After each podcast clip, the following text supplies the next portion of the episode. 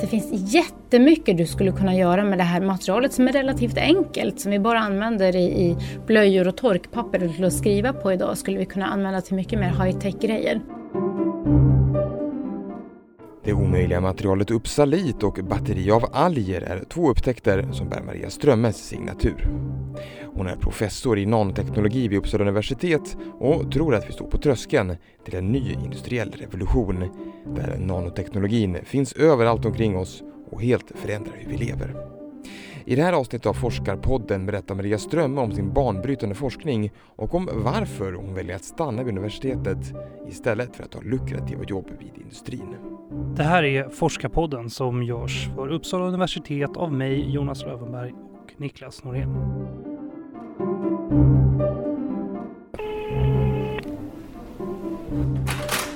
Hallå! Välkommen! Tjena, hej Jonas! Kom in! Tack! Jag heter Maria Strömme och jag är professor i nanoteknologi på Ångström Lab på Uppsala universitet. Vi forskar på hur man kan ändra material på nanonivå för att de ska få de egenskaper vi vill att de ska ha på vår vardagsliga makroskopiska nivå. De material vi jobbar med då kan användas både inom eh, läkemedelstillämpningar, i batterier, för diagnostik, eh, för att odla celler på. Så det kan låta som vi är inne i massor med olika områden och petar men vi gör väldigt lika saker där nere på nanonivå. Titta på material och ändra på material.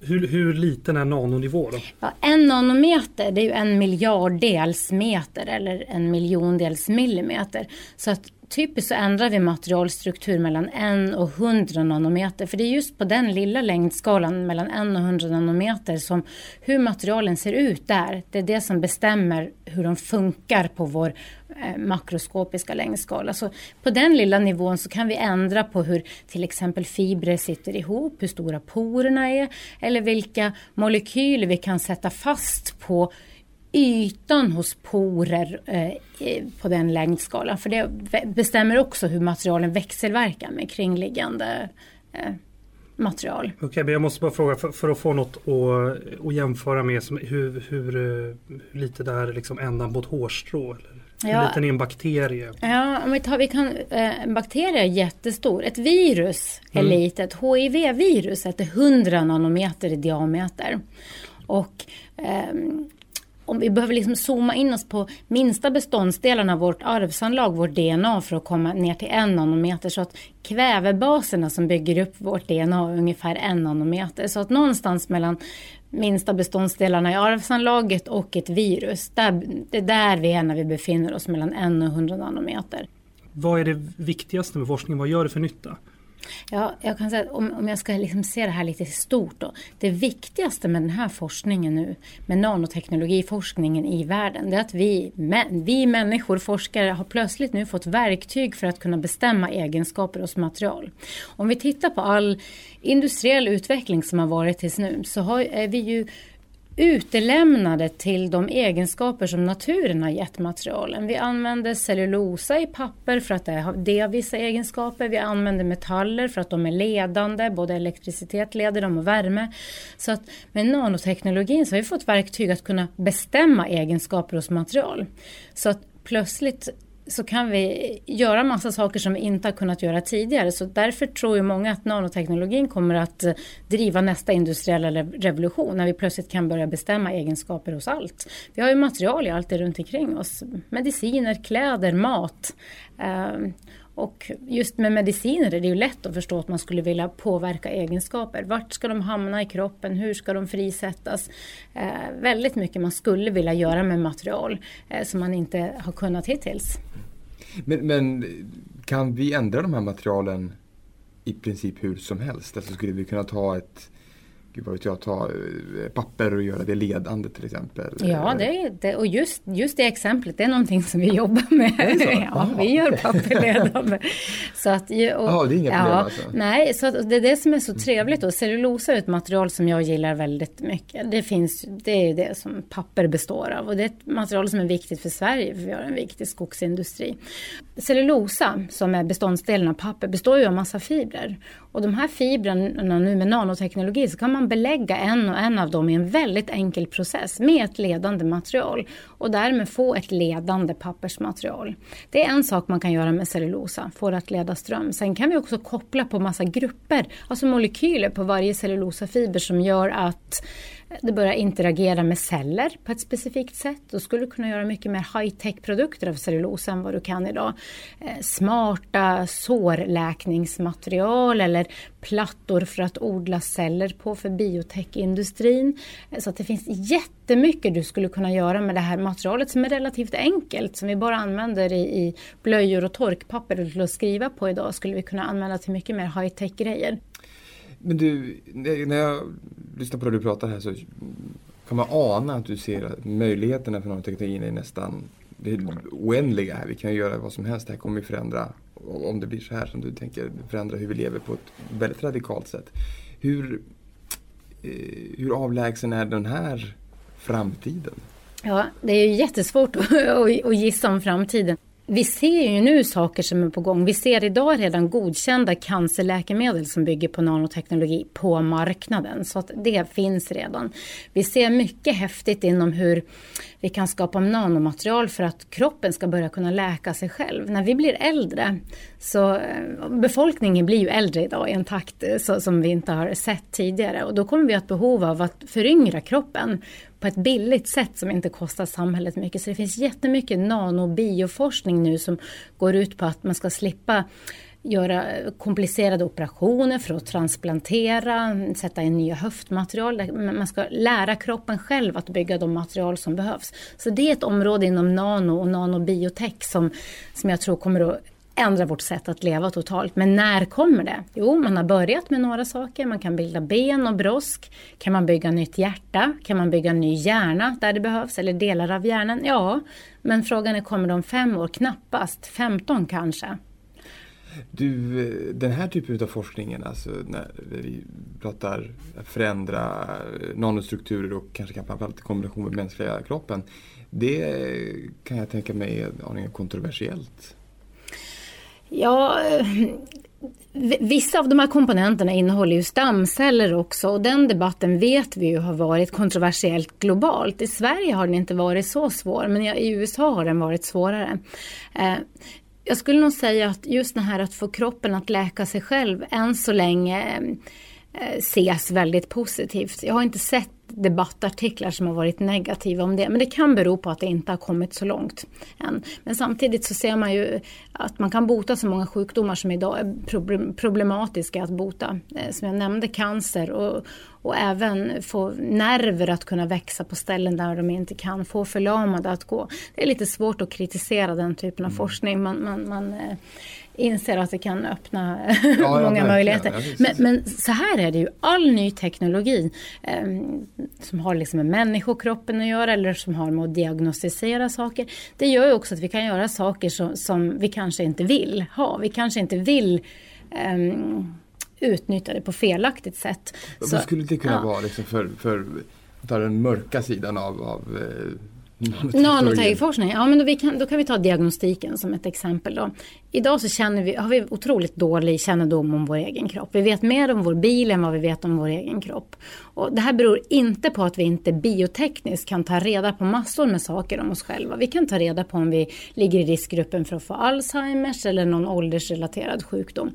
Eh, anledningen till att var och en av oss inte har det här hemma, det är att det är så dyrt. Med nanoteknologi så kan man göra väldigt billig diagnostik. Så att där säger jag att där öppnar vi upp möjligheter att alla ska kunna få veta väldigt mycket om sig själv. Men det ger ju också en arbetsgivare och ett försäkringsbolag tillgång till verktyg att börja diagnostisera sina kunder och göra differentierade försäkringar. när Du får betala mycket mer för jag ser att du ligger i riskgruppen att få diabetes. Så att det är klart att den här typen av teknik öppnar upp saker som man måste de debattera. All teknik öppnar upp möjligheter och risker men då säger jag att forskarnas eh, ansvar ligger ju att visa på möjligheterna. Sen är det ju liksom en demokratisk politisk fråga att eh, alla medborgare får vara med och rösta och bestämma om vad ska man få använda det till. Okej, okay, men så ni har, som forskare så har man inget ansvar för vad man tar fram eller? Ja, så kan, ja det, det är lite för svartvitt att säga. Jo, det mm. har man väl. Men, men en, en teknik som är möjliggörande om man i ett forskningsprojekt då ha som mål att ta fram någonting som är möjliggörande och bra Eh, så tycker jag att då ska forskaren göra det. Forskaren ska eh, ja, kan gärna diskutera i sina publikationer vad dåligt den kan leda till. Men det, det ser jag att det är samhällets ansvar att bestämma. När en teknik finns eh, tillgänglig så ska man kunna rösta och välja de politiker som bestämmer så som man tycker. Hur hamnade du på Uppsala universitet? Eh, jag, jag är född och uppvuxen i Lofoten i Nordnorge och när jag gick trean på gymnasiet så träffade jag en svensk kille så det var anledningen till att jag flyttade till Sverige. Och då flyttade jag först till Falun och eh, jobbade där medan han gjorde lumpen och så flyttade vi till Uppsala och började plugga. Så att på det, det var kärleken som, som ja. tog hit. Ja. Den killen är preskriberad sedan länge. Men det var anledningen till att jag flyttade ja. till hur, hur blev det just eh, fysik då? Och jag, jag hade jag hade redan bestämt mig i Norge att plugga teknisk fysik och hade kommit in på det på det som då hette NTH som nu är universitetet i Trondheim, NTNU.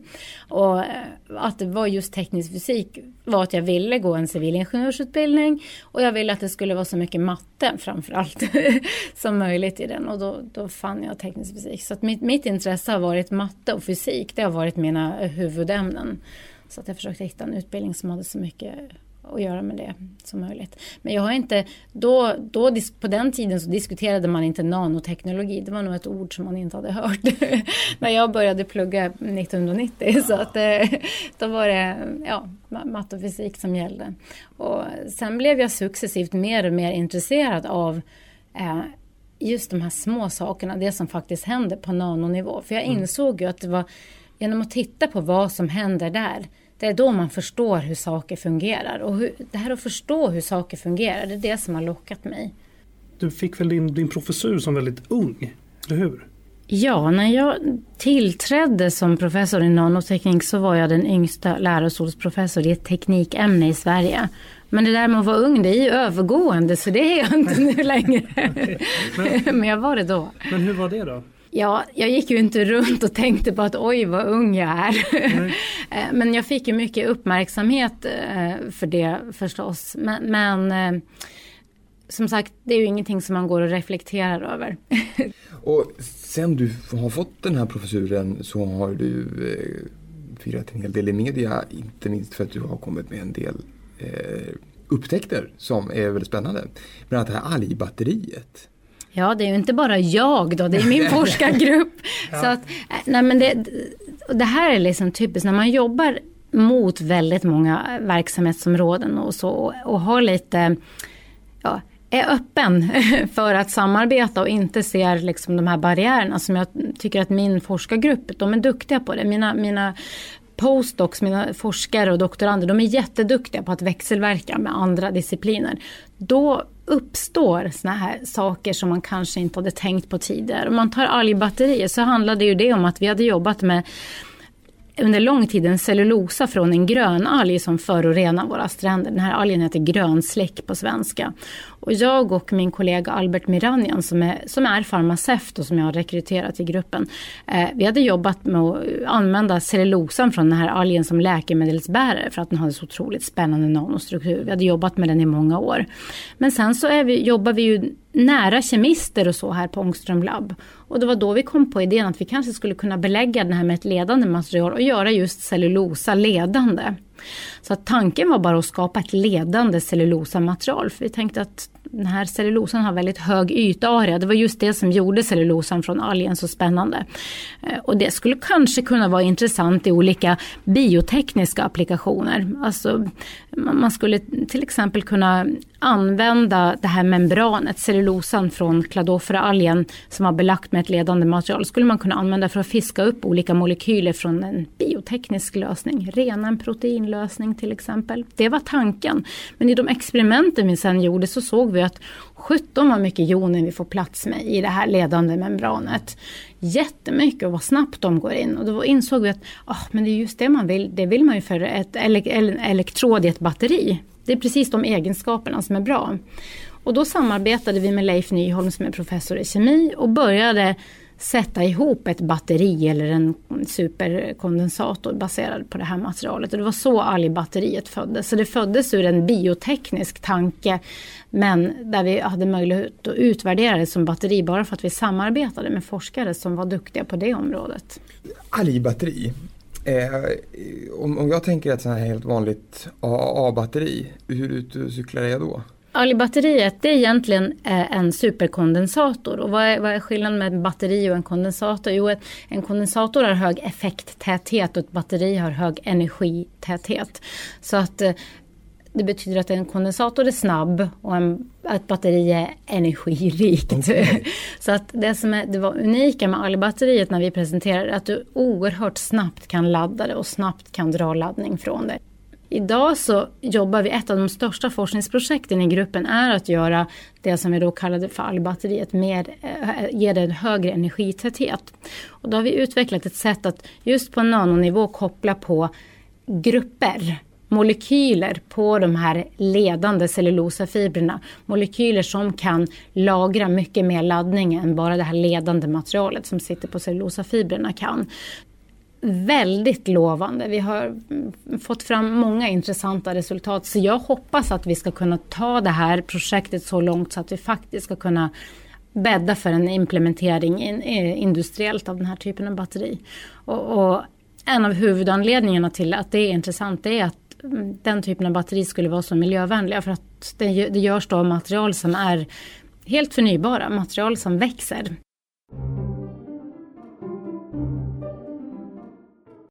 populärkulturen och eh, framförallt science fiction har ju, är ju liksom på, på frammarsch. Eller har liksom blivit, eh, säga, fått ett uppsving. Eh, finns det någon, någon, science fiction som, eh, som spår om framtiden som är realistisk på något sätt? Som, som du känner till?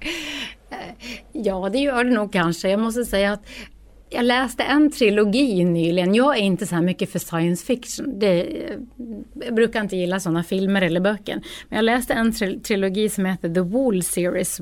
Böckerna heter Wool Shift och Dust. Och det är Hugh Howey som har skrivit den. Och där, där använder han nanoteknologi på ett otroligt sofistikerat sätt. Det är svårt att liksom eh, slå hål på varför det inte skulle funka, även om det scenariot som man målar upp är rätt så otroligt. Vad är det för scenario då? Nej, men, men, hela mänskligheten lever under jorden för att vi har förstört vår planet och, och han har hittat ett sätt som gör att vi kan liksom sova eller vara nedfrysta i 100-200 år och, och sen bara fortsätta. Som, där man använder nanoteknologi och det är faktiskt väldigt bra. Jag kan rekommendera den. Och, och, och hur ser du på de, de så att säga, praktiska implikationerna av det här? Skulle, är det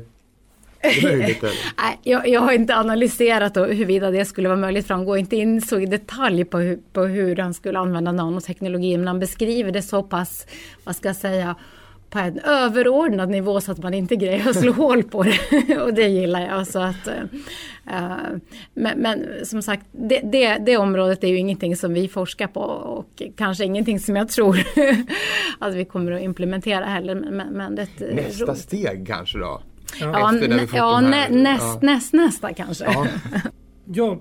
Du, en annan en stor upptäckt som du också har fått mycket uppmärksamhet förutom det här allbatteriet som var på är det, här, det omöjliga materialet. Och då undrar jag, hur kan ett material vara omöjligt? Ja, det är vårt roligaste forskningsprojekt. Ja. Det handlar om materialet Uppsalit som eh, när pressreleasen kom och när det skrevs om det här i media internationellt så kallades det detta material för det omöjliga materialet. Och anledningen till det var att forskare i över hundra år har försökt göra en magnesiumkarbonat på det sätt som vi också försökte göra en magnesiumkarbonat som var oordnad och relativt vattenfri och porös. Och då har man konstaterat i publikationer från 1908 1926 och 1961 att det här materialet är omöjligt att göra. Det går inte att göra. Man har i princip bevisat att man inte kan göra det här materialet.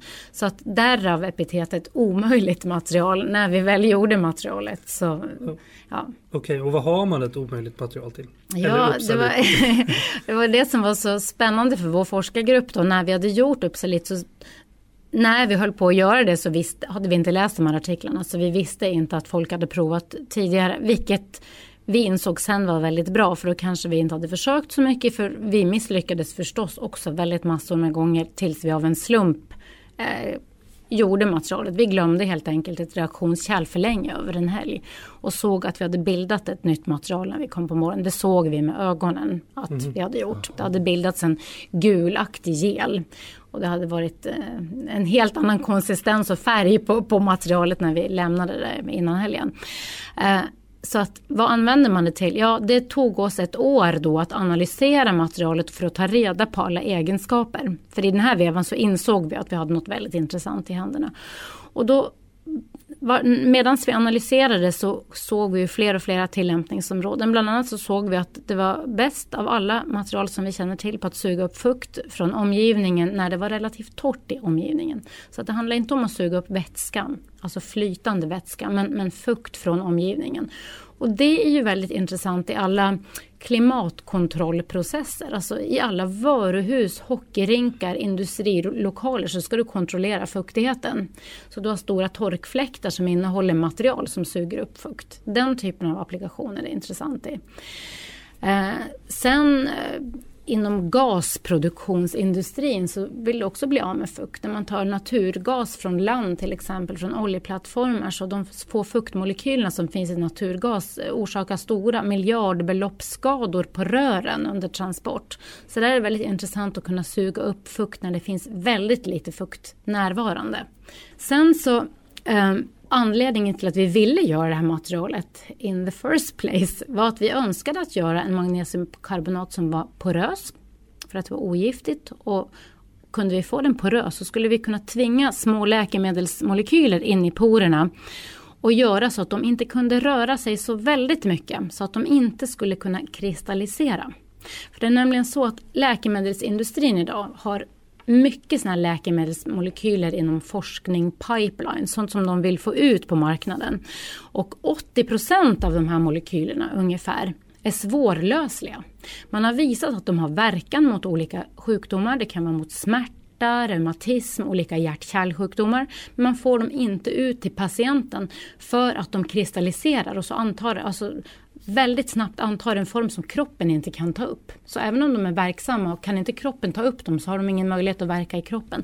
Men då vet man att om man kan tvinga in dem i pyttesmå porer så kristalliserar de inte och då bibehåller de en form som kroppen kan ta upp. Så att ett material med porer som var icke-giftigt som vi kan äta. Det var därför vi ville göra Uppsalit.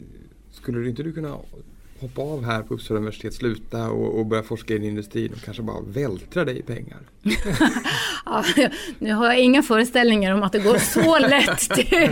Så lätt till. Jag tänker, Nej, ja. det, här, det måste finnas en betydligt mer lukrativ bana för dig här som du kanske inte väljer då? Nej, men det är klart, jag har ju inte valt forskarjobbet och professorsjobbet för att tjäna så mycket pengar som möjligt. Det, det, har aldrig varit min drivkraft och är det inte idag heller. Så att det är självklart har man många valmöjligheter hela tiden och särskilt jag som var så ung när jag blev professor. Många blir det ju när de är 55-60 och så är det sista steget.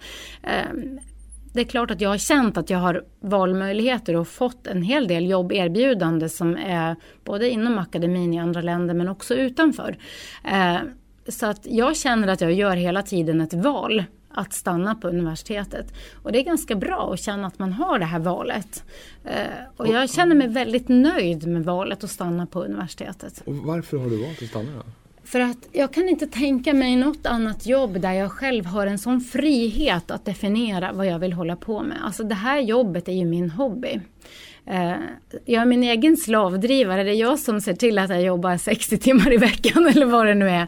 Men, jag kan ju hela tiden definiera vilka problem jag vill lösa och vad jag vill jobba med. Så att eh, den här enorma friheten och det ansvaret det också för med sig eh, är det som lockar mig mest. Hur står sig Uppsala och Sverige inom nanoområdet? Uppsala och Sverige står sig väldigt bra inom nanoområdet inom vissa fält. Du ska komma ihåg att nanoområdet är ju enormt brett. Som jag mm. berättade så kan man ändra egenskaper hos alla material. Och vi, Sverige kan självklart inte vara världsledande nej, inom nej. alla kategorier. Um, jag skulle nog vilja säga att den miljön i Sverige som har kommit längst och som är starkast, det är Lund. De började allra först och de har skapat ett jättestort nanokonsortium. Så de är oerhört duktiga på att göra eh, mycket saker som har med elektronik, solceller och sånt att göra. Eh, här i Uppsala är vi väldigt duktiga på life science-området. Att, att skapa material för biotekniska tillämpningar och också kring energilagring. Okej, okay, och life science, är det, inkluderar det läkemedelsindustrin? Ja, då, jag, då, jag tänker brett, både medtech, farmaci, mm. läkemedel. Sen har du andra grupperingar också i Sverige som är duktiga. Så att, eh, man kan inte säga ledande inom nanoteknologi, man måste vara väldigt specifik för okay. de här områdena är oerhört smala. Sen är det ju så att att vara forskare idag är oerhört, man är oerhört konkurrensutsatt så att om man man måste nästan vara bäst på det man håller på med för att överleva. Okay. Så att, mm. Mm. Vad är nästa stora steg för nanoforskningen? Vad, vad kommer sen? Ja, men de, de två stora utmaningarna som, som nanoteknologin har att bita i, det är liksom de två största utmaningarna som mänskligheten står inför. Och det är att klara av en eh, ökad liksom, energiförsörjning. Vi bara använder mer och mer energi. Hur ska vi kunna göra det här på ett långsiktigt hållbart sätt? Så att utveckla material som både kan skörda energi från solen till exempel och lagra det med smarta material som är hållbara. Det är en stor utmaning. Den andra stora utmaningen det är med nya typer av material och klara av det här att vi blir äldre så mycket fortare. Om bara 35 år så kommer 35 procent av oss som bor i västvärlden eller industrialiserade världen att vara över 60 år. Och vi måste alla klara av att jobba och bidra till samhället. Vilket gör att vi måste kunna utveckla nya smarta material då med hjälp av nanoteknologi som gör, kan ge oss nya höftleder, nytt brosk, när muskler börjar bli dåliga, bygga upp dem igen. Massor med spännande områden där som nanoteknologin behöver samarbeta med biotech för att kunna lösa. Så att eh, det finns inte bara en eller två grejer, men inom de här två kategorierna så finns det hundratals grejer som behöver lösas med, med nya material. Jaha, jag, har, jag hade inga fler frågor. Nej, vi får tacka så hemskt mycket. Ja, ja. Tack perfekt. Mycket. Gud vad bra att ni var så flexibla. Nu ska jag springa på nästa möte, men jag är bara en kvart för